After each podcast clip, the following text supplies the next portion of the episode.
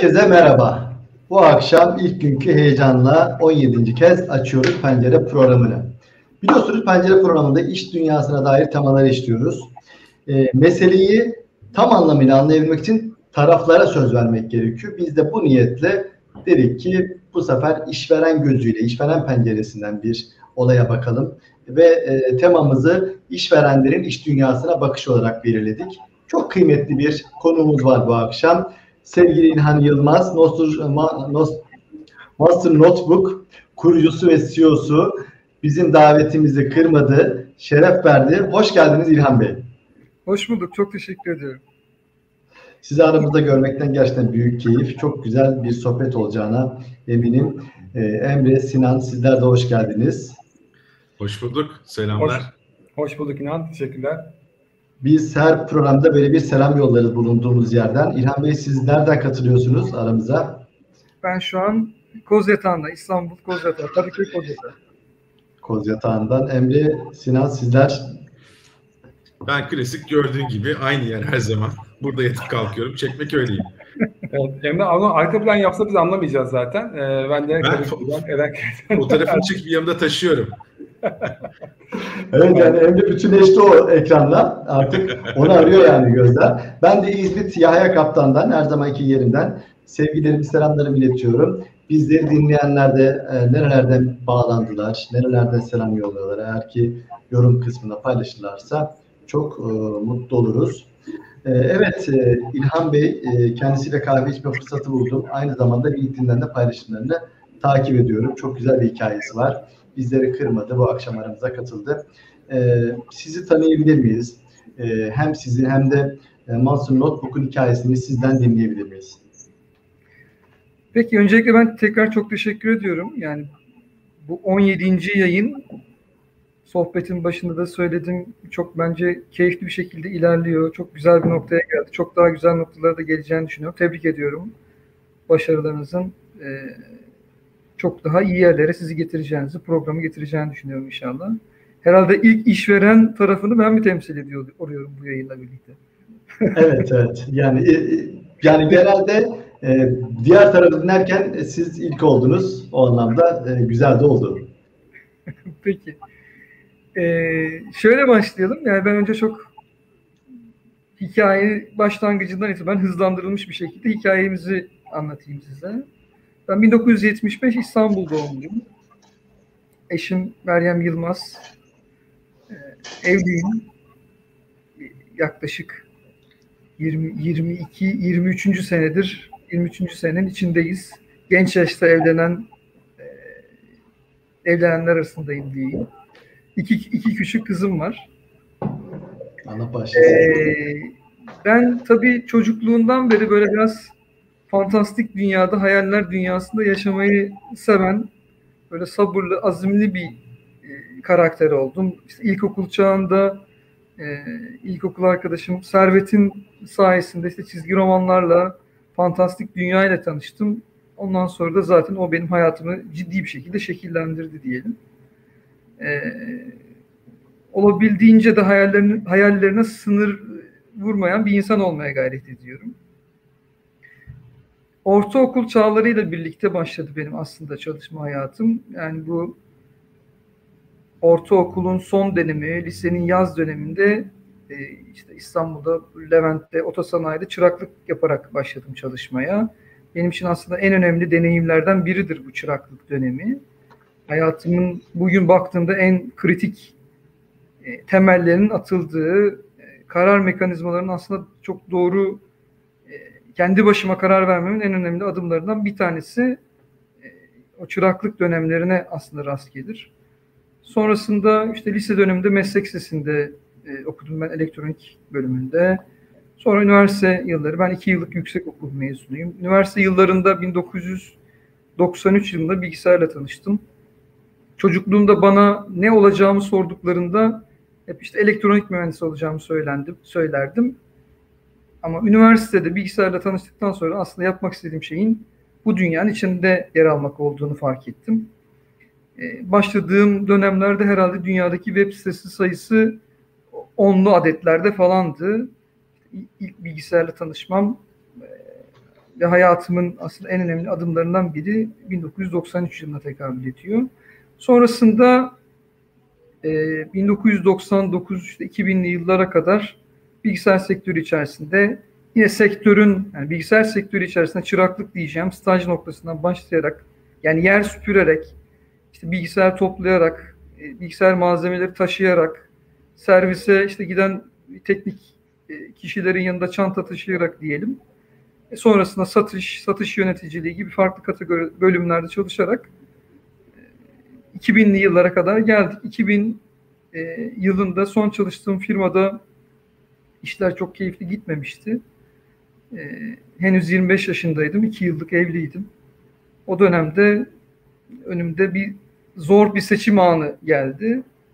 E, son çalıştığım iş, şirketten ayrıldıktan sonra ya e, askere gitmem gerekiyordu ya kurumsal bir fir- firmada çalışmaya başlayacaktım. Bu Matrix'teki aslında seçim sahnelerinden biri gibi bir andı benim için. İşte mavi hapımı seçeceğim, kırmızı hapımı seçeceğim falan derken yeşil hapı seçtik. Sağ olsun eşim Meryem Hanım'ın da desteğiyle yani o zamanki desteği olmasaydı belki bambaşka bir karar alabilirdik. E, o dönemde hani aslında bugünlere gelmemizin en önemli kararı verilmiş oldu bizim hayatımız açısından. Sağ olsun onun desteğiyle doğru kararı verdik diyelim. Yeşil hapı yuttuk. Cebimizde o günkü bugünkü paralarla herhalde 7-8 bin liralar mertebesinde bir paramız vardı. Zor bir karardı bizim için ama o süreç içerisinde, sektör içerisinde edindiğim deneyim ve tecrübe ve güvenle diyelim kendi şirketimizi kurma kararı aldık. Biraz hızlandırayım. E, firma Focus bilgisayardı. Biz bilgisayar malzemeleri toptan satışı olarak başlamıştık o dönemde işimize ama bunu sürdürülebilir olmadığını biliyorduk. Bir marka arayışına başladık. 2001 yılında seyrettiğimiz işte Türkçe'ye Sevimli Canavarlar diye çevrilen bu Pixar'ın animasyonunu işte tanıtımlarını seyrederken aradığımız markanın Monster olabileceğini düşündük. Sonrasında zaten bu sektörde, bu alanda e, boştu Monster kullanılmıyordu. O vesileyle e, markayı tescil ettirdik. Sonrasında e, çok küçük bir kadroyla yaklaşık 9-10 kişiyle başladığımız yolculuk bugün bambaşka bir noktaya geldi. Süreç içerisinde e, işte Kadıköy'de yani bu hep garajdan çıkan markalar hikayesine benzer bir hikaye aslında bizim hikayemiz. 150-200 metrekarelik bir alanda başlayıp bugün yaklaşık 400 kişinin üzerinde faaliyetini sürdüren İstanbul, Ankara, İzmir, e, Lefkoşa, e, Dubai ve e, geçen sene Almanya'da e, Berlin'de açtığımız mağazayla uluslararası bir dünya markası olmaya çalışan bir marka haline geldi Monster markası. Şimdi operasyonu çok daha ileriye nasıl götürürüz? Onun planlarını yapıyoruz. Yakın zamanda İngiltere tarafında bir operasyonumuz olacak. Türkiye'deki operasyon büyüyor. Ee, Kartal'da yaklaşık 6 bin metrekarelik bir operasyon merkezi, lojistik operasyon merkezi şu an büyük oranda bitmiş durumda. Faaliyetlerine yarı oranda başlamış durumda. Avrupa yakasında yakında bir mağazamız açılıyor. Yurt dışı yatırımları hızla devam ediyor ve asıl amaç tabii Türkiye pazarına dünyadan baktığımızda yüzde birden küçük bir pazar gibi görünüyor. Bizim hedeflediğimiz vizyonda Türkiye pazarındaki elde ettiğimiz başarıların dünya dan baktığımızda yüzde bir oranına geldiği çok daha büyük global bir marka haline getirebilmek markamızı. Hızlandırılmış bir şekilde aktarmaya çalıştım ama inşallah yeterli olmuştur. Yo, süper. Çok güzel bir özet ve de e, o kadar güzel anlattınız ki film şeridi gibi geçti. Yani hikayeniz de çok e, gerçekten etkileyici. Hani sanayide çıraklık, e, böyle bilgisayar parçaları taşımanız vesaire. Daha sonra şirketi kurup şu an küresel bir marka önünde gitmeniz gerçekten ilham veriyor. E, hem çalışanlara hem de bir şekilde girişimcilere eminim yani e, bunları dinleyen kişilerin e, birçok kişinin ilham alacağını düşünüyorum. Hani işin mutfağından gelmek derler ya siz onun da ötesinden bir şeyle tozunu toprağını yutarak gelmişsiniz. E, ve çok da iyi yoldasınız. Hani ben de takip ediyorum. İşte bugün e, Türkiye'de e, ilk üçtesiniz diye biliyorum. Oyun bilgisayar pazarında. Küresel bir marka olma yolundasınız. Farklı ülkelerde zaten e, operasyonlarınız var ve de yeni ülkelerde açılma haberiniz olduğunu biliyorum. Yani, takip ediyorum. E, işte bunun hem e, Master Notebook'un bu başarılarının yanı sıra e, teknoloji tabanlı Tür şirketlerin başarıları son dönemde aslında biraz daha göze çarpıyor. E, Aposto'nun bir haberinden bir alıntı yapmak istiyorum. E, Financial Times'in küresel teknoloji muhabiri Türkiye nasıl Avrupa teknolojisinin yıldızı olduğu e, başlıklı bir yazı e, yazmış ve burada Getir, Trendyol hepsi burada Peak Games, Dream Games gibi Türkiye merkezi şirketlerin son dönemde yakaladıkları başarıları haberleştirmiş. E, bu yılın en sıcak yeni fikirleri Silikon Vadisi'nde değil İstanbul'da başladı diye çok iddialı bir haber yapmışlar. E, işte e, bu da e, bunlara ek olarak da e, sizin şirketinizin de bu yolda gitmesi bir e, Türk insan olarak bizleri mutlu ediyor, gururlandırıyor. E, siz Türk şirketlerinin arkasındaki farklılığı veya faktörü nasıl tanımlarsınız? Bunun paralelinde yine e, Türk insanını bir girişimci ve bir çalışan olarak nasıl değerlendirirsiniz? Artıları neler, eksileri neler? İki soru böyle peş peşe geldi ama bu konudaki yorumlarınız gerçekten ışık tutacak bizlere. Ben aslında ilk hikayenin başlangıcındaki kısma bir ilave yapacağım. Sonra devam edeceğim. E, 2020 yılı başında işte şu an bulunduğumuz Kozatan'daki merkez binamıza taşındık. O garajdaki yolculuk aslında bir başka level'a geçişti bizim açımızdan. İşte LinkedIn'de yaptığım bir paylaşımda şunu demiştim. 20 yıl sonra başlangıç noktasına geldik. Bizim için aslında bu sabırla gelinen bir noktaydı. Bir arkadaşımız bana mesaj atmıştı orada. Ya işte bir yıldır, bir buçuk yıldır uğraşıyoruz. Artık vazgeçme, pes etme noktasına gelmiştik. Sizin bu paylaşımınızı gördükten sonra anladım ki daha çok yolumuz var. Pes etmememiz gerekiyor falan gibi bir yorum yazmıştı. Çok hoşuma gitmişti. Gerçekten en kritik şeylerden bir tanesi aslında sabır gibi görünüyor. Bir anda e, milyoner olma beklentisi büyük hayal kırıklıklarına da sebep olabilir. Türkiye'nin tabii çok ciddi avantajları var.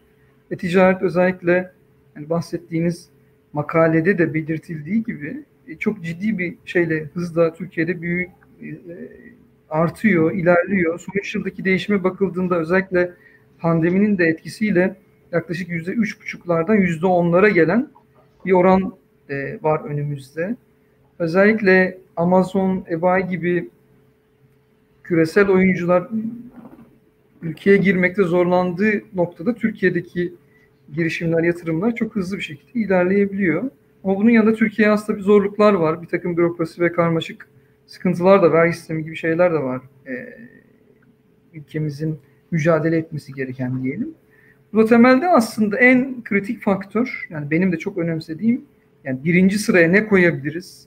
Her ekosistemin zeminini oluşturan temel unsurların en başında bence insan kaynağı geliyor. Nitelikli insan kaynağı aslında bu işin temelini oluşturuyor. Tabii ki iyi bir e, risk sermayesi ve fonunuzun olması, altyapınızın olması gerekiyor.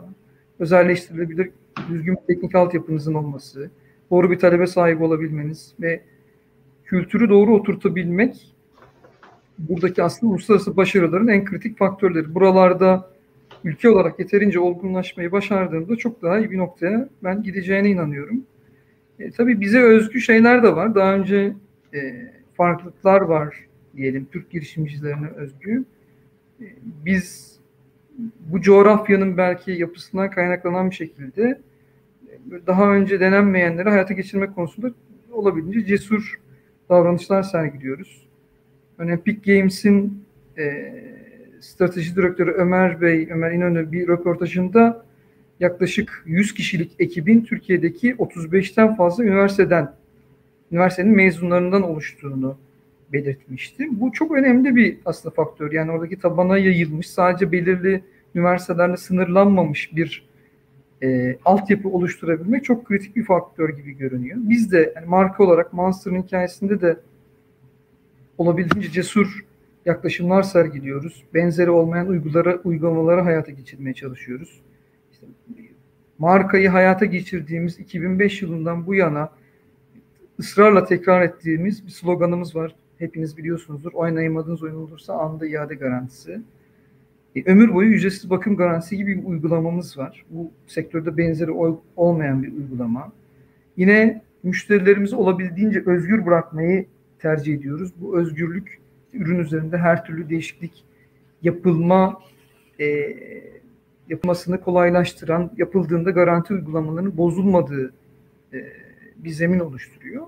Bunları şu an biz Türkiye'de ülkemizde uygulayabiliyoruz. Bir de bu tür farklılıkları ve belki gideceğimiz, hedeflediğimiz coğrafyaya özgü kültürel farklılıklarla birleştirerek sıra dışı uygulamaları bu coğrafyaya özgü farklılıklarla dünya genelinde yaygınlaştırabilsek çok daha başarılı olabileceğimize inanıyorum ben.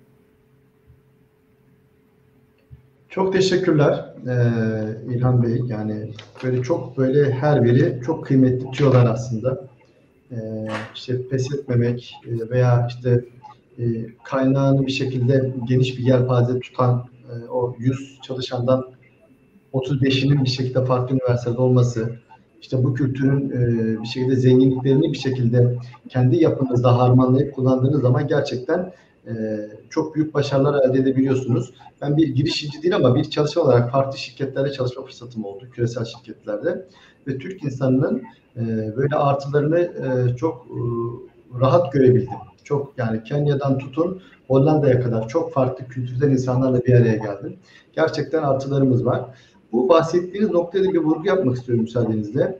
Hani Türkiye'de belli başlı üniversiteler var ve o üniversitelerin bir şekilde mezunları popüler iken e, biraz daha e, bu üniversite sınavlarında e, orta veya arka puanlarla üniversiteler puanlarla bir şekilde yerleşmiş öğrencilerin veya üniversitelerden mezun öğrencilerin de çok güzel iyi işler çıkardığına şahit oluyorum.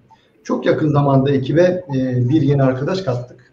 E, yani gerçekten kendini çok iyi donatmış ve iki hafta gibi bir kısa zamanda bile e, çok iyi işler çıkardı. Burada biraz bu yelpazeyi geniş tutmak ve bir takım ön yargılardan sıyrılıp e, kendini yetiştirmiş öğrenciye veya yeni mezuna fırsat vermeye de çok kıymetli olduğunu düşünüyorum.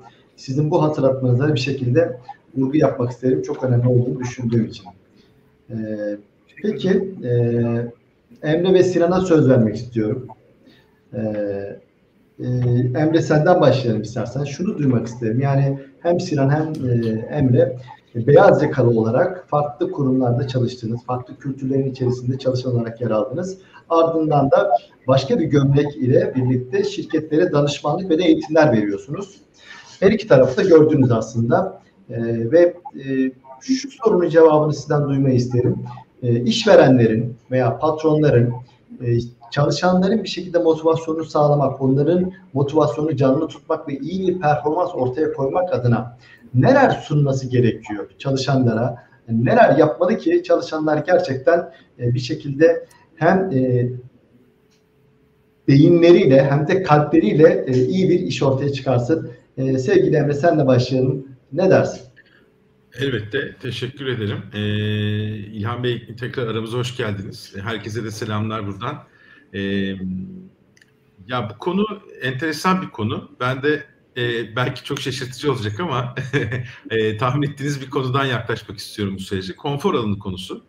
Şimdi enteresan bir şey var. E, İlhan Bey bahsetti. Yani ne dedi? E, aslında e, bu belirsizlik sürecine ayak uydurmamız vesaire Türk girişimcisinde, Türk insanında bu var. Evet doğru. Hatta ben size bir örnek vereyim. Uluslararası bir e, e, assessment değerlendirme kuruluşunun e, bir envanter sistemi vardı. Bunu okuma sertifikasyonu eğitimine girmiştim kurumsal hayatta çalışırken. Orada enteresan bir bilgi edinmiştik. E, zamanında Türkiye'den e, çok fazla expat alıyordu yabancı kurumlar. Neden? Çünkü adaptasyon kuvveti çok kuvvetliydi. E, Türk çalışanın, nitelikli insanın, evet, Türkiye'de e, yetişmiş sanırım insanın. Emre'nin yayınında daha doğrusu internetinde bir sıkıntı e, olduğunu düşünüyorum. Sevgili Sinan sana söz verelim. Emre seninden e, deliklerini bayağı bir duyamadık. E, dilersen Sinan'ı e, ben konuk olarak alayım, söz vereyim. O sırada sen de internet bağlantını kontrol et. E, çünkü deliklerini anlayamadık. Pekala. Beni duyuyor musun İnan? Evet, ben seni gayet net duyuyorum. Aynı sorunun cevabını senden alırsam ne dersin? Ardından Emre'nin Emre'den duyamadıklarımızı duymak için Emre'ye tekrar bağlanacağız. Söz sende Sinan. Pekala. Ben de açıkçası sen soruyu sorarken özellikle motivasyon kısmı birazcık dikkatimi çekti. Ben oradan bir girmek istiyorum. E, çünkü çalışanları motive etmenin hani e, hiç e, olmadığı kadar önemli olduğu bir dönemden geçiyoruz. Bu özellikle pandemiyle beraber değişen dünyamızda motivasyonun da şekli ve belki de önemi farklılaştı. E, o noktada da benim hep aklımda gelen ve de hep anlatırken de böyle e, ne diyelim karşı tarafa geçtiğini düşündüğüm bir yaklaşım var. O da e, motivasyonun aslında kaç farklı şekilde hayatımızı etkilediği ve bugün işverenlerin, işte yöneticilerin bu motivasyon tiplerini nasıl kullanabileceği. E, hepimizin çok iyi bildiği bu e, dış motivatörler yani daha doğduğumuz günden beri işte iyi bir şey yaptığımız zaman bize önce ailemizin işte verdiği belki de bir ödülle, bir çikolatayla veya bir tatlıyla e, şekil bulan, arkasından işte iyi bir şey yaptığımız zaman havuç, kötü bir şey yaptığımız zaman belki de bir sopayla hani e, öyle bir e, yeri geldiğinde e, karşılık bulan e, bu e, dış motivatörler aslında hayatımızın her yerinde var.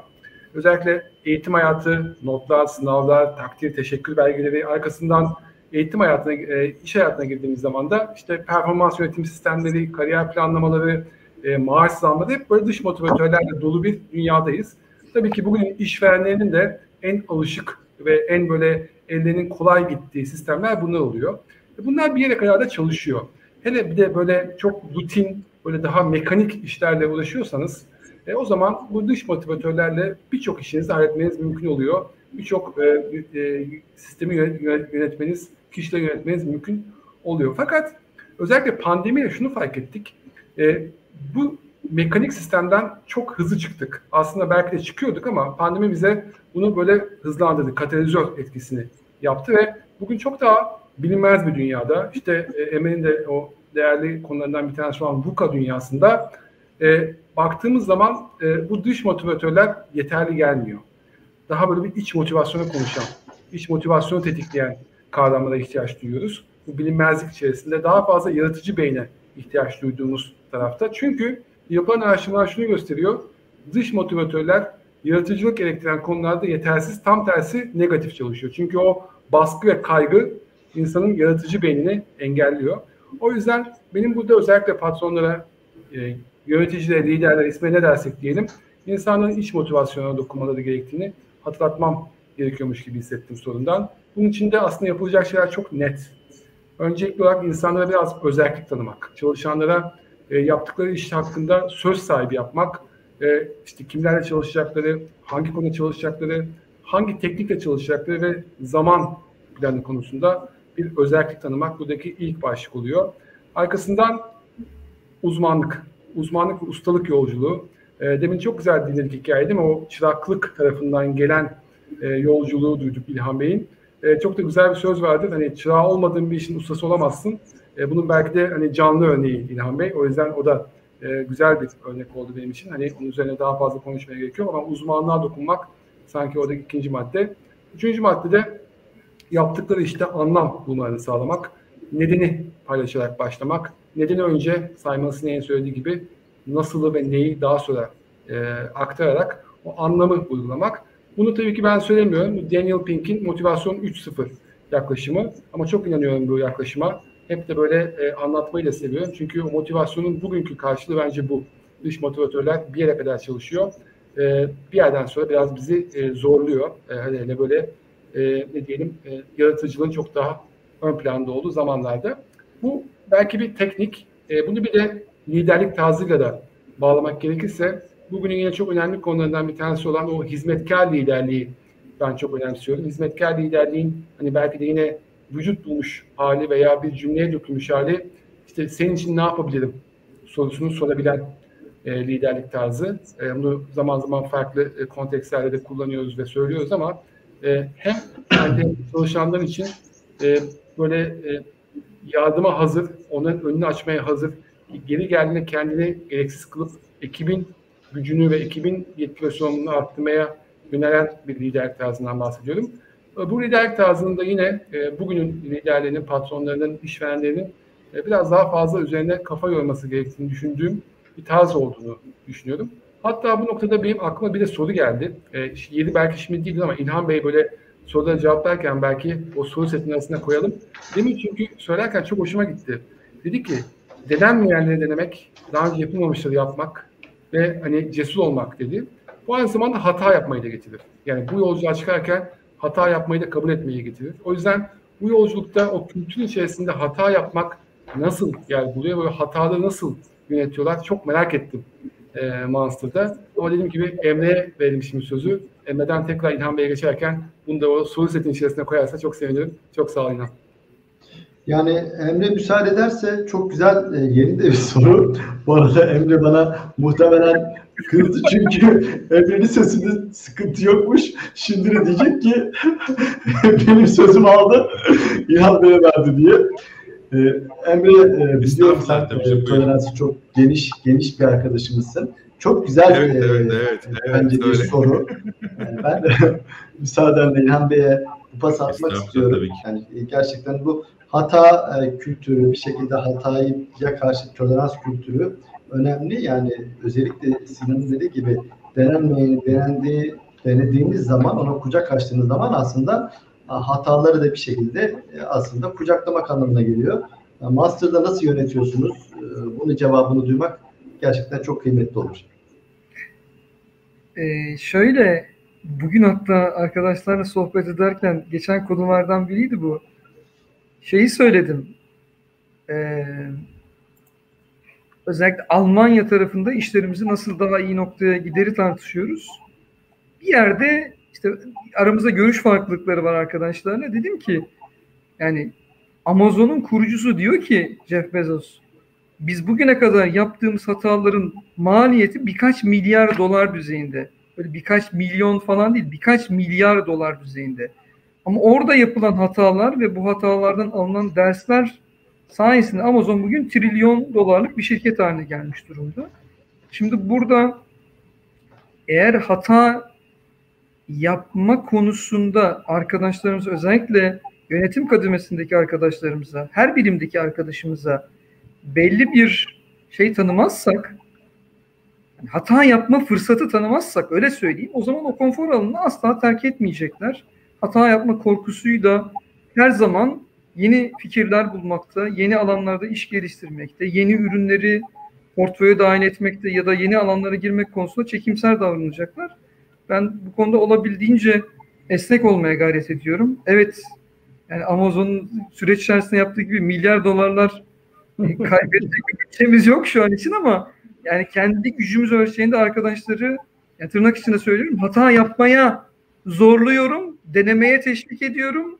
E, buralarda da bazen aramızda görüş farkları çıkıp tartışacak noktada ısrar ediyorum. Yani bu, bunu denemek zorundasınız yoksa başarılı olma şansımız yok. E, gerçekten yoksa o, o konfor alanı her zaman bizim için çok şey gelecek. E, rahat ve terk etmek istemeyeceğimiz bir alan olacak. Hep o alanın içerisinde güzel, mutlu günler geçireceğiz ama bir gün işte Türkiye'deki şirketlerin ortalama ömrüyle ilgili süreler konuştuğumuzda böyle 15-16 yıllar falan konuşuluyor. Yani bundan çıkmamız için kendimizi zorluyor, sınırları aşıyor olmamız lazım. Bunun da temel formülü Emre tam orada söze başlamıştı. Konfor alanı falan derken kestin sözünü. Şimdi bağlıyoruz tekrar. ben bağlayacağım. Emre topu atacağım sana oradan. Evet, yani, pası, pası, pas geleceğini anladım. Ben hazırlanıyorum. İnan izin verirse sonra zaten, devam ediyorum. Zaten siz atmazsanız inan bana geçebilir. O yüzden bence hemen Neyi söyleyeceğim yalnız ben? Ee, bir önceki bana sormadığı inanın soruya yanıt vermek istiyorum aslında. Bu çalışanlarla mesafeyi azaltmak konusunda ne yapılmalı falan. Yani bu benim çok çok önemsediğim noktalardan bir tanesi aslında. Geçen gün kargo bölümünde çalışacak bir arkadaşla işte şey yapıyoruz. İşe başlamadan önce sohbet yapıyoruz. Şöyle bir ifade kullandı. Ya şirketin CEO'su kargo bölümünde çalışacak bir arkadaşla niye görüşsün? Falan gibi bir şey söyledi. Hep şunu söylüyorum bu sohbetlerde yani e, aslında şirket büyümeye başladıkça birlikte çalıştığımız arkadaş sayısı arttıkça aramızdaki bağlarda kopmalar oluşabilecek bir şey oluşuyor. Süreç başlıyor. Yani bunu en başında birlikte çalışmak kararı vermeden önce eğer e, bir iletişim noktasıyla bağlayabilirsek o sohbet çok çok değerli, çok kıymetli bir şeye dönüşüyor. Ve şunu söylüyorum, ben şirkette çalışanlardan biriyim aslında. Ben kendime göre Dikey'de yetki ve sorumluluklarım var. Yönetici arkadaşlarımızın farklı sorumlulukları var. Çay kahve ikram işiyle uğraşan arkadaşımın başka bir sorun var. O da işini yapıyor, ben de işimi yapıyorum.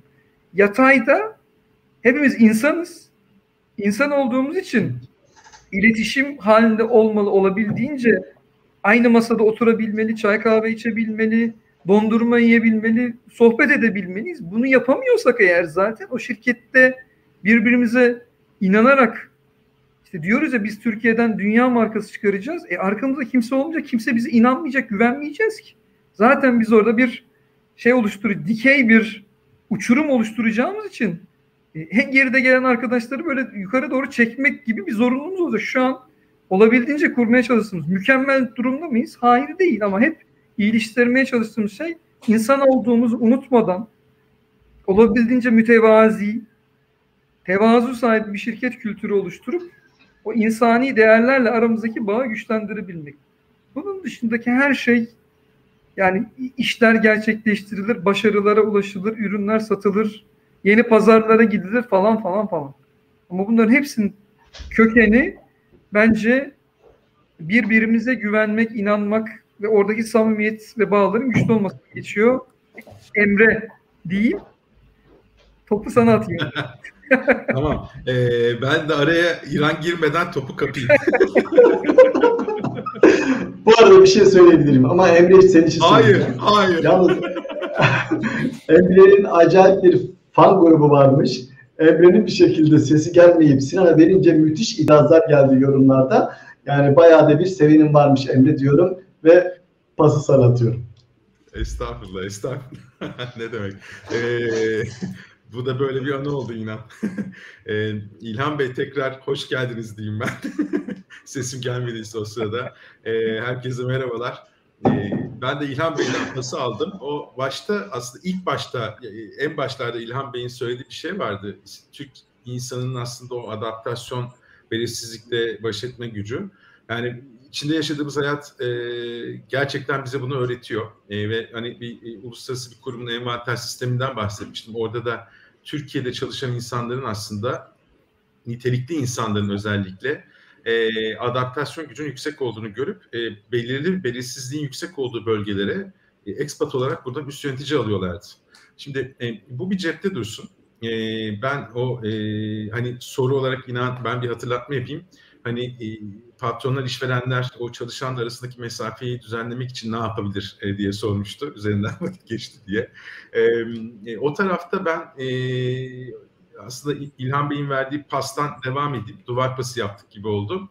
E, konfor alanı konusu bence burada yine kritik. Ben işe biraz insan doğasından bakmayı sevdiğim için izninizle oraya değineyim.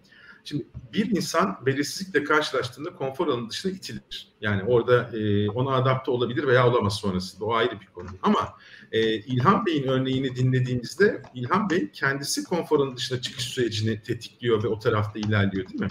E, şimdi e, o ekibin içerisindeki arkadaşları düşündüğümüzde veya başka kurumlardaki arkadaşları düşündüğümüzde aslında liderin veya o işverenin en tepedeki kişinin e, o süreçte e, bu şansı e, onu daha önceden tecrübe etmiş biri olarak herkese sağlamasının ben önem arz ettiğini düşünüyorum. Yani çalışanların kendilerini gerçekleştirebilecekleri o e, potansiyeli ortaya koyabilecekleri heyecan alanı dediğimiz alana geçişi kolaylaştırabilecekleri düşünüyorum. İçinde işte hata toleransından bahsettik oraya hiç girmeyeyim ama cesaretlendirmeyle yani bir şeyi başarma yolundaki en büyük ödülün aslında cesaretlendirme olduğunu bilerek hem vizyon hem de uygulama süreçlerinde ekibine destek olan e, aslında tabiri caizse sahayı temizleyen onlar için takım arkadaşı olarak da görebilir. Bence bu yanlış bir şey değil. E, biraz önce işte hani e, bir kargo çalışanı demiş ya İlhan Bey sizin ekipten neden bir patron gelip benimle konuşmak istesin ki? Neden istemesin ki?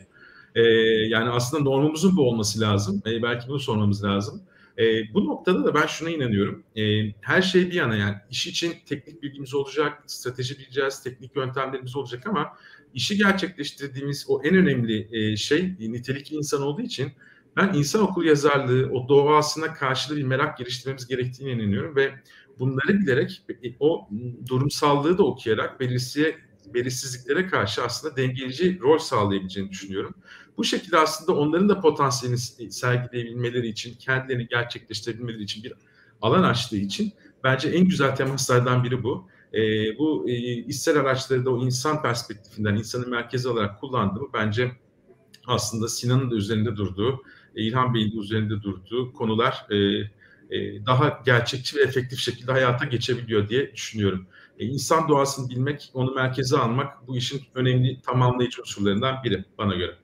Teşekkür ederim İnan.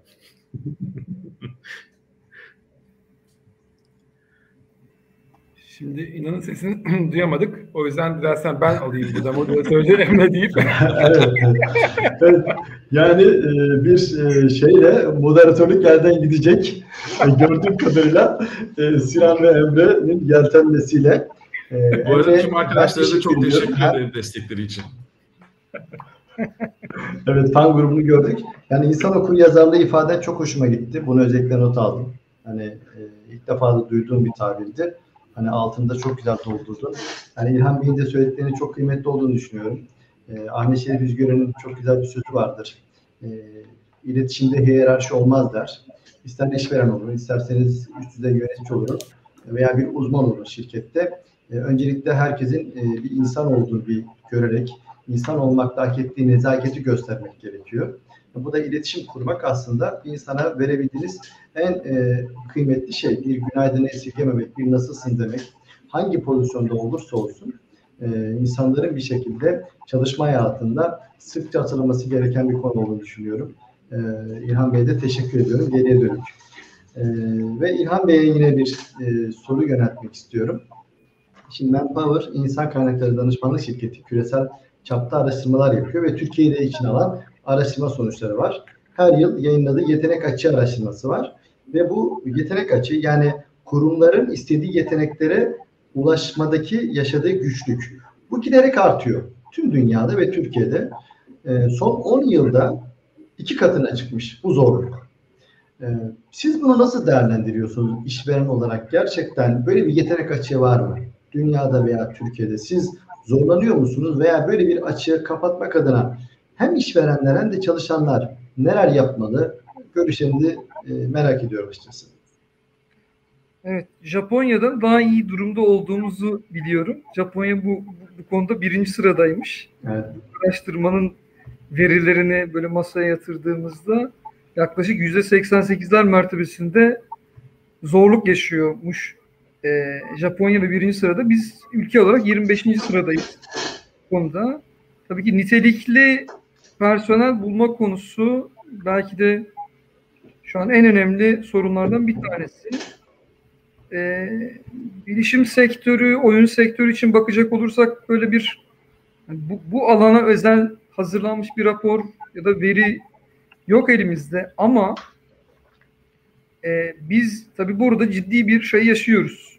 E, dar boğaz olduğunu gözlemliyoruz ne yapılması lazım? Yani burada tabii ki işin kökenine inmek lazım. Öyle görünüyor. Yani biz burada eğitim sisteminin öncelikle bu alandaki açığın gelecek 10 yıllar içerisinde diyelim e, tekrar e, şu anki durumuna çok daha iyi olacak bir noktaya doğru ortadan kaldıracak şekilde modellenmesi gerektiğini, yani bu alandaki eğitim içeriklerinin özellikle sektör ihtiyaçlarıyla eşleşecek şekilde güncellenmesi gerektiğini düşünüyoruz.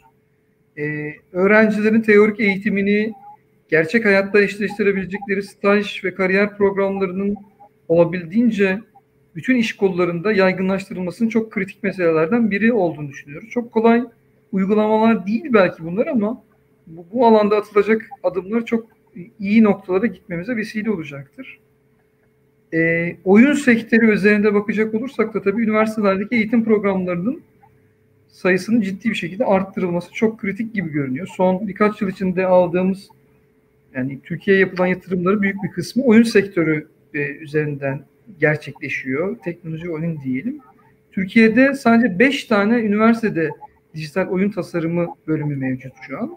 Çok önemli bir açığı işaret ediyor ki Türkiye'nin e, önümüzdeki zamanlardaki en önemli ihracat hedeflerini karşılayabilecek, en kolay şekilde karşılayabilecek e, alanlardan bir tanesi de oyun e, geliştirmek.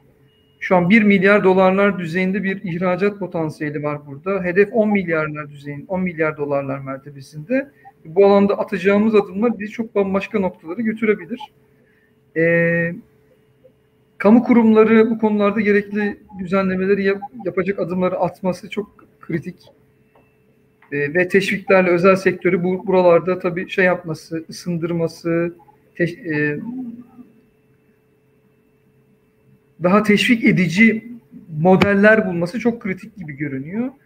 Yakın bir zamanda yaptığımız mesela uygulamalardan bir tanesi yani çok da böyle keyif aldığımız yani hem mutlak fayda elde ettiğimiz hem sosyal sorumluluğa dönüşen uygulamalardan bir tanesi bu çıraklık eğitim merkezlerinden e, biriyle İstanbul'da bir işbirliği yaptık ve belediye ile. Yaklaşık 20'nin üzerinde lise e, 14-15 yaşlarındayken okulu terk etmiş, okula devam etmek istemeyen e, kardeşimizi, evladımızı değil, çıraklık e,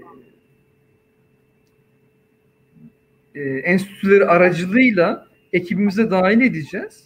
Bu burası kanalıyla eğitimlerini tekrar tamamlayabilecekleri hem bir model olmuş olacak. Haftanın birkaç günü okullarına gidecekler. Birkaç günü bizde çalışacaklar. Bu arada bizdeki usta öğreticisi arkadaşlarımızdan işte notebook onarımı ve benzeri konularda eğitimler alacaklar.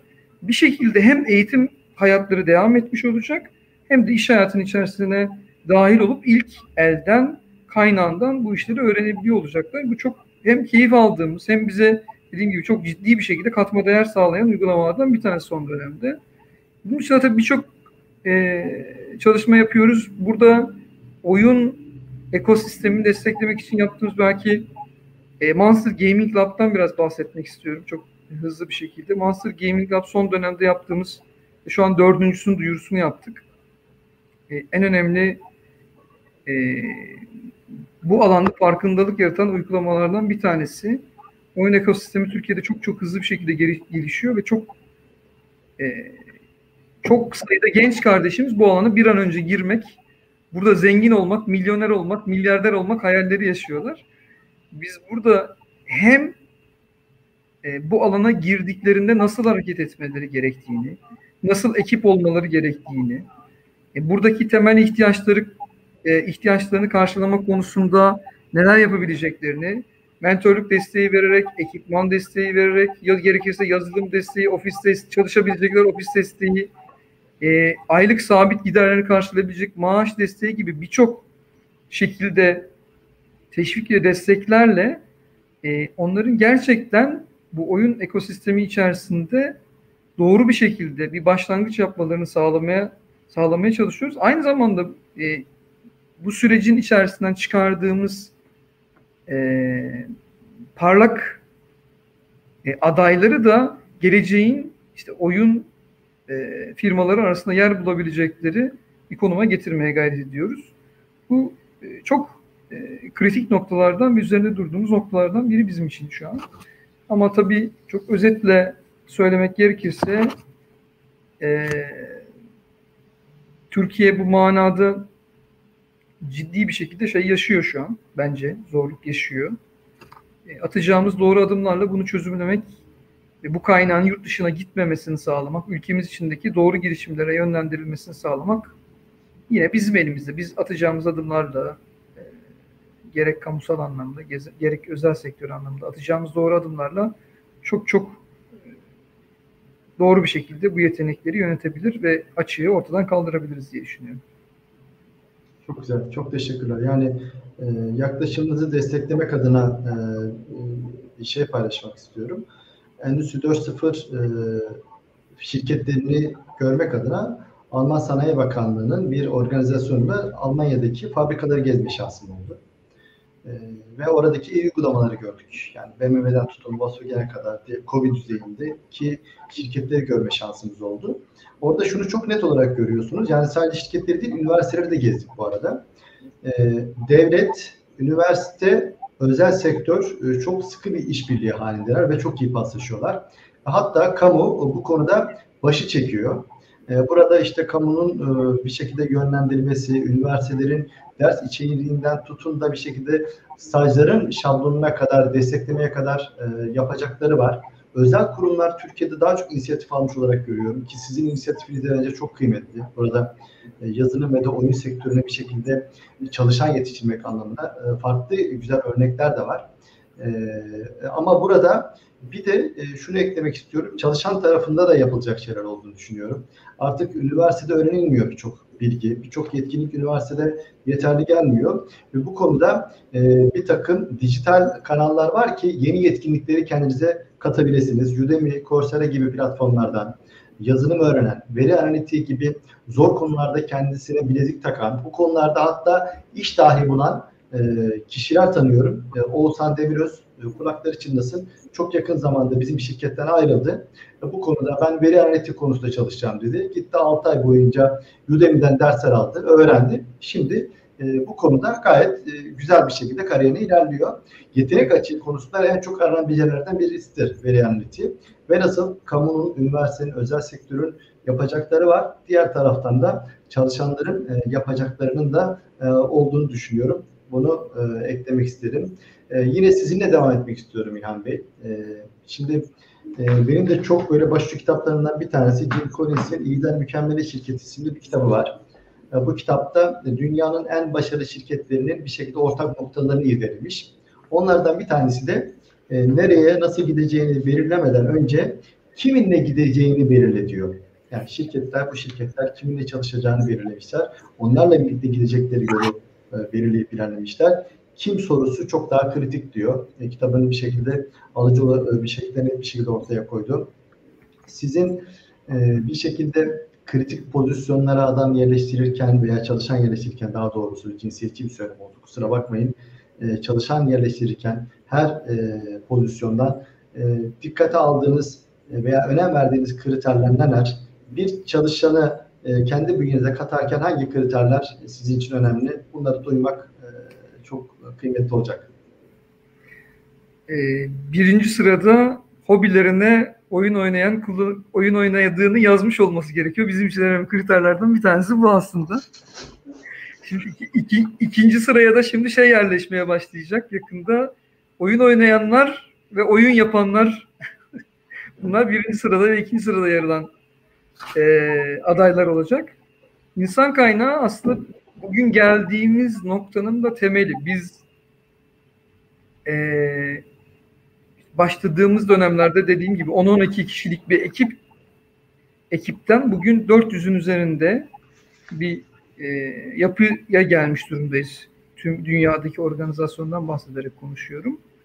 Bugüne gelmemizdeki tabii kritik süreç hep süreç içerisinde sürecin belli noktalarında e, ekibimize dahil olan e, sağ olsun uluslararası deneyime sahip arkadaşlarımızla birlikte gerçekleşti. Her adımda başka bir level'a geçmiş olduk aslında.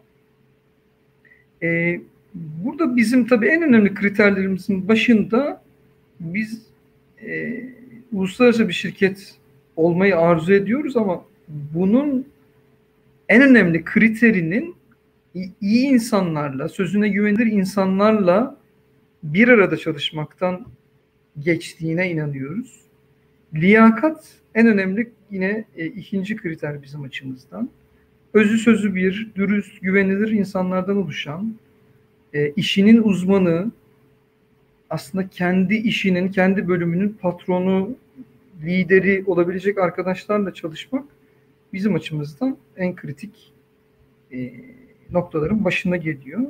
Bizim tabii şirket değerlerimiz de aslında bunun üzerine tamamen e, oturmuş durumda. E, olabildiğince dürüst ve açık bir e, şirket kültürü oluşturmaya gayret ediyoruz. Olabildiğince etik e, kurallar içerisinde hareket ettiğimiz hem rekabette hem kendi içimizdeki yapıda kimsenin birbirinin ayağını kaydırmaya çalışmadığı bir şirket ortamı bizim için hayati önem taşıyor. E, takım çalışması çok çok önemli kavramlardan bir tanesi. İşte arada paylaşımlarda mutlaka görmüştür arkadaşlarım işte bu Ubuntu kavramı. Hep birlikte kazanırsak kazanırız. Tek başımıza asla kazanamayız. Bizim için çok kritik yaklaşımlardan bir tanesi. E, aidiyet yine bizim için çok çok önemli. Yani gelirler farklı şirketlerde çok çok farklılık arz edebilir. Çok daha bambaşka noktalarda e, gelir elde eden arkadaşlarımız vardır ama biz olabildiğince işin içerisinde e, birlikteliğimizin bir ruhunun olması gerektiğine ancak o zaman o e, elde edilen gelirlerin e, mutlak faydaya dönüşeceğine inanıyoruz. O yüzden aidiyet, aidiyet bizim için çok çok önemli kavramlardan bir tanesi. E, birlikte çalıştığımız arkadaşların hepsi görevi ne olursa olsun yani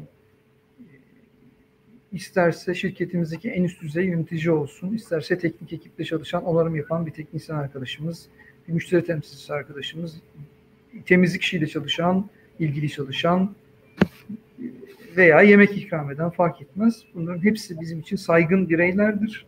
Çok çok önemlidir, değerlidir.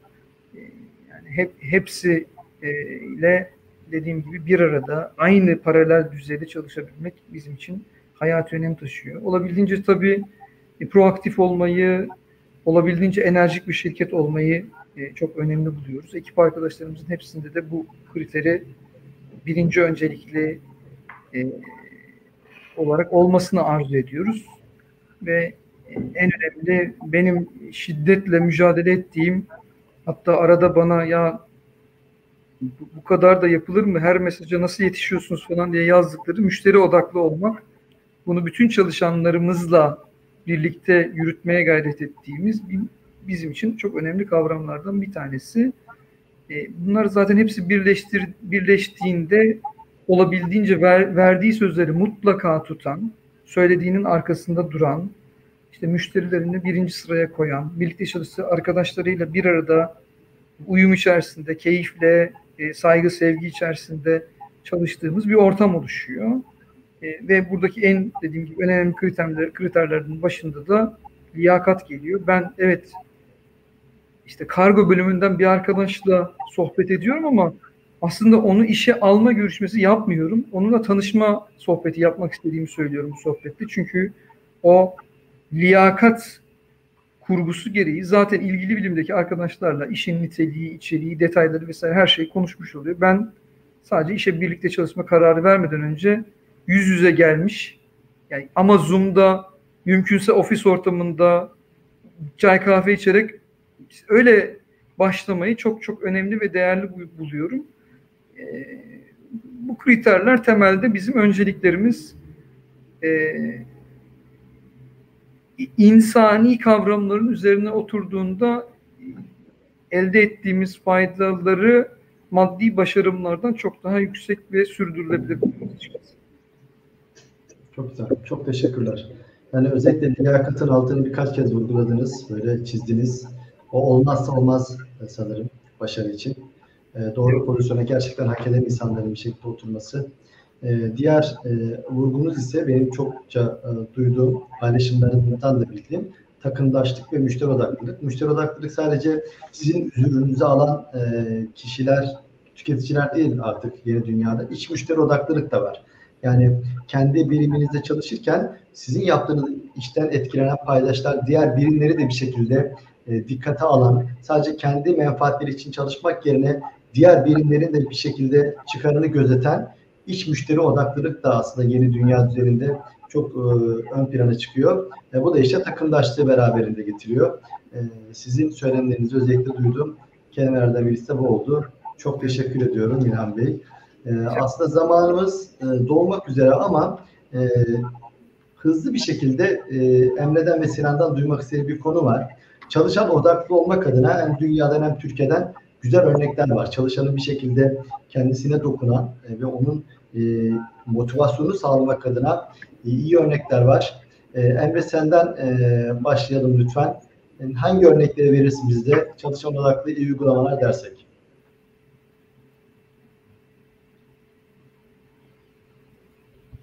İzinle şöyle yapayım. E, spesifik örnekler vermek yerine yani Sinan çünkü tahminimce yine böyle nokta atışı örnekler verecek diye tahmin ediyorum. E, en iyi yaptığı böyle bizi beslediği konulardan biri. Ben e, o taraflarda aslında bakarsanız Batı dünyasında gittikçe ön plana çıkan bu insanı merkeze alan yaklaşımın altını tekrar çizmek istiyorum. E, yani bugün işverenlerden tutun liderlere kadar aslında bakarsanız oksijen maskesini ilk başta kendisine tutması gerektiğini biliyor artık. Ve sonrasında etrafındaki insanlara yardımcı olmasını, e, nasıl yardımcı olacağını biliyor. Ve bu noktada e, bu girişimciliği destekleyen süreçte kendini motive edebilen insanlar aslında etrafına o örnek teşkil ederek e, çünkü siz kendinizde uygulayamadığınız bir şeyi etrafa uyarlamaya çalıştığınızda pek e, şey geçerli de kalmayabiliyor. O noktada ben o insanı merkeze almakla şu insan odaklı süreçleri bir şey e, yapmak istedim izninle. Sonra da pası Sinan'a atarım. E, vakti de düşünerek. E, şimdi insanı e, insan odaklı yaklaşımlarda sanki ben de şöyle bir izlenim oluşuyor. Bilmiyorum siz ne dersiniz? Bir, bir şey çalışıyoruz mesela bir süreç çalışıyoruz tamam evet. O sırada da aklımızda insan faktörü var gibi. Ama insanı merkezi alarak yaptığınız şeylerde yani insan doğasını anlayıp onun doğasına uygun şeyler yapıyorsunuz. Geçen e, aylarda LinkedIn'de bir paylaşım olmuştu buna benzer. Mesela gittiniz çiçekçiye evinizde bir tane çiçek alacaksınız. Salon çiçeği. Dedi ki size bunu güneşte tutacaksın. Haftada üç kere sulayacaksın. O zaman çiçek verir. E, gittiniz siz bunu gölgeye koydunuz. Haftanın her günü suladınız. Büyük ihtimalle yani doğasına uygun davranmadığınız için o çiçeği vermeyecek. Hatta belki hastalanacak, belki ölecek. O noktada aslında bakarsanız bu tarafı kaçırdığımıza inanıyorum ben ve hani belki böyle çok fanatik şekilde bunun altını çiziyorum ama ne yaparsak yapalım teknik olarak işte şu kurum bunu yapmış bunu e, yapabiliriz yeni şeyler geliştirebiliriz evet ama bunların e, içerisinde e, hani biz kendi aramızda konuşurken her zaman zaten bu konudaki hassasiyetlerimizi biliyoruz hep böyle sohbetlerimizde de geçer ben size de böyle temsilen söyleyeyim. İnsan faktörünü anlayarak yaptığımızda daha etkili olma şansı oluyor. Simon Sinek'in o ünlü sözü çalışanlarımızın yüzde yüzü insan, müşterilerimizin yüzde yüzü insan. E sen de insansın. Yani istediğin kadar teknolojik yatırım yap, e, kendini geliştir. İnsanı doğru anlarsan o işi daha iyi ortaya koyma şansın var der. E, çok doğru e, ve hani hepimiz aynı iş ortamında çalışırken nasıl oldu da keşke ben söyleseydim böyle bir söz dediğim, gıpta ettiği bir söz. E, böyle bir çerçevenin altını çizerek ben e, şey yapayım. İlhan e, Bey'in de son anlatımından aldığım pastayı yumuşatıp e, Sinan'a e, gönderiyorum topu. Teşekkürler Emre. Çok teşekkür ederim. E, çok güzel bir yerden geldin. Ben de dediğim gibi birazcık örneklerle zenginleşeyim istedim. Hani bu senin güzel e, katkı, e, katkını ve e, pasını. E, İlhan Bey'in Amazon'dan bahsetti. Amazon'un hani e, Jeff Bezos'un yaklaşımından bahsetti. Aslında baktığımız zaman Jeff Bezos'un şu sözü de sözü de bence çok güzel. E, Amazon hata yapmak için çok iyi bir şirkettir dedi ya. E, orada hani o milyar dolarlık seviyelere tabii ki gitmeyeceğiz ama e, çalışanlara ne kadar alan açtığınız buradaki kıymetli olan alan bence. Bir girişimcilik tarafı var. Biz bu programda zaman zaman konuşuyoruz ama belki bir kurum içi girişimcilik tarafı da e, bugün bu sorunun altında e, konuşmamız gereken bir başlık. Çünkü e, baktığınız zaman e, birçok firma çalışanlarına kendi fikirlerini hayata geçirebilecekleri alanlar açıyor. Onlara yetkiler veriyor, zaman veriyor. Hani bununla ilgili en ünlü örnek e, bilirsiniz Google'ın %20 kuralı. %20 kuralı sayesinde çalışanlara diyor ki vaktinin %20'sinde kendi istediğin projelerde çalışabilirsin. Bunlarla ilgili takım çalışmaları yapabilirsin ve kendi projeni geliştirebilirsin. Bir yere kadar ben sana alan verdim. Bir yerden sonra eğer fikir benim de hoşuma giderse destek verdim diyor. E, Gmail böyle bir projeden doğmuştur diye böyle bir e, şehir efsanesi vardır. Biraz arka plana baktığınız zaman tam öyle olmadığını görüyorsunuz. Aslında böyle bir irade var Google'ın e, e-mail sistemine girmesi için. Ama e, çok enteresandır. E, Google'ın böyle 1 Nisan şakaları videolarını birçok insan bilir. 1 Nisan'da genellikle Google böyle bir, böyle komik e, ama gerçekten inandırıcı videolar yayınlar. Belki de bunun çıkış noktasıdır. Çünkü Gmail'i ilk defa 1 Nisan 2004'te duyurmuş Google ve o zaman büyük bir çığır açmış. Çünkü şunu hayal edin, aranızda o tarihte doğmamış arkadaşlar da bizi izliyor olabilir ama 1 Nisan 2004'te Google Gmail'i duyurduğu gün 1 GB hafıza hediye etti. Herkese ücretsiz e-mail hafızası. Ve o zaman şeyi hayal edebiliyor musunuz? En büyük rakipleri Yahoo ve Hotmail'in verdiği ücretsiz e-mail e, limiti kaçtı? Bilenler var mıdır bilmiyorum ama e, tam 500'de biri e, bu 1 GB'ın. Yani inanılmaz bir çığır açan bir teknolojiyi, bir ürünü sundu. E, ondan sonra hiçbir şey eskisi gibi olmadı. E, bu Google'ın yaklaşımı hala devam ediyor bu yüzde yirmi yaklaşımı. Ama onu bir adım daha ileriye taşıyan başka bir firmadan bahsedeceğim. O da Atlassian. Ee, özellikle e, çevik çalışmayla ilgilenen firmaların e, yakından takip ettiği Jira ve Trello e, uygulamalarını geliştiren Avustralyalı firma Atlassian. Atlassian diyor ki Google güzel yapıyor ama biz daha iyisini yapacağız. Ve yılda belli günleri böyle birer günlük hackathon günleri ilan ediyor. Diyor ki buna Ship It Day. 24 saat. 24 saat bütün ekibi topluyor.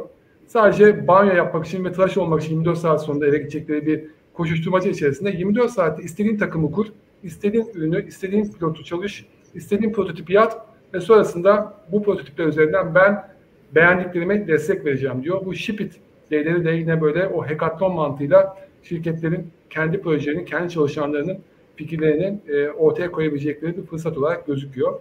Bu kurum içi girişimciliği bence destekleyen bakış açıları. Bunların benzerliğini daha da fazla özellikle Türk şirketlerinde görmek bizi daha da mutlu eder. Ama bunun dışında bir de spin-off tarafı var. Birçok firmada aslında kendi içerisinden bu kurum içi girişimleri daha sonra şirket olarak da dışarı çıkartıyor. Bunun da sayısız örneği var. Farklı sektörlerden var. Ee, örneğin işte e, eBay demin bahsettik. PayPal eBay'in içerisinden çıkmış bir spin-off şirket. Başka e, Abbott ilaç firmasının içerisinden AbbVie diye başka bir ilaç firması çıkmış. Yine Bayer firması Alman kimya devinin içerisinden Lanxess diye farklı bir firma çıkmış. Baktığın zaman şirketlerin içerisinden çıkan yine farklı teknolojiye veya farklı alanlara e, ağla, e, yönelen firmaların da olduğunu görüyoruz. Burada işte bizim e, de kendi ekosistemimizde bunların örneklerinin sayısının artmasını ben de umut ediyorum. Diye sözü tekrar inan sana vereceğim ama vermeden dayanamayacağım bir şey söyleyeceğim. Çünkü başlangıçta İlham Bey dedi ya firmanın ismini Monster Inc. filminden bulmuştuk. 2001 yılı. Ben de çok sevdiğim bir film. E, 2013 yılında o filmin devamı geldi. E, ismi de Monster Academy. Şimdi sen soruyu sorarken, İlhan Bey de anlatırken tam onu hayal ettim. O çıraklarla, çıraklara yönelik o bahsettiğiniz o eğitim e, şablonu umarım ki Monster Academy olarak daha da büyür. Hakikaten sektörün hani bir okulu olma misyonunu istenir ve bu bahsettiği inanın o e, yetenek açığını umarım ki hem kendi şirketiniz için hem de sektör için kapatacağınız bir yola gider. Onu hissettim siz anlatırken, onu düşündüm. Onu da paylaşmadan edemeyeceğim deyip sözü tekrar sana vereyim. Yani o kadar güzel bağladın ki artık e, söyleyecek söz yok. Sinan çok güzel, çok teşekkürler. E, yani vaktimizde doldu ama gerçekten tadına doyamadığımız bir yayın oldu. Ben İlhan Bey'e çok teşekkür ediyorum. Bu yoğun temposu da geldi. Bizlerle kendisinin ve de şirketin hikayesini paylaştı. Ben gerçekten çok ilham aldım, notlar aldım. Eminim ki dinleyenler de bu çalışan olarak, girişimciler olarak da çok güzel notlar almışlardır kendilerine. Çok teşekkür ediyorum İlhan Bey. Katıldınız, şeref verdiniz, bizleri donattınız. Ee, Emre'ye teşekkür ediyorum. Emre'yi her dinlediğimde insan odaklılığa dair yeni şeyler öğreniyorum. Emre bu konuda derya deniz. Ee, ve e, yani estağfurullah çok... inan böyle kurtaramazsın. yani ne dersen Emre'ciğim yani dükkan senin. Bugün dükkan senin. Kapattıktan sonra ee, Sinan'a da tekrar teşekkür ediyorum. Sinan'dan da yine birçok not aldım. Sinan'dan da böyle spesifik böyle gerçekten e, sektörden, dünyadan böyle hap gibi bilgileri almak gerçekten müthiş bir keyif e, ve de fırsat olarak görüyorum kendim için. Çok teşekkür ediyorum. Bizleri izlediğiniz için tekrar görüşebilmek dileğiyle. Kendinize iyi bakın. İyi akşamlar diliyorum. İyi akşamlar. Görüşmek üzere.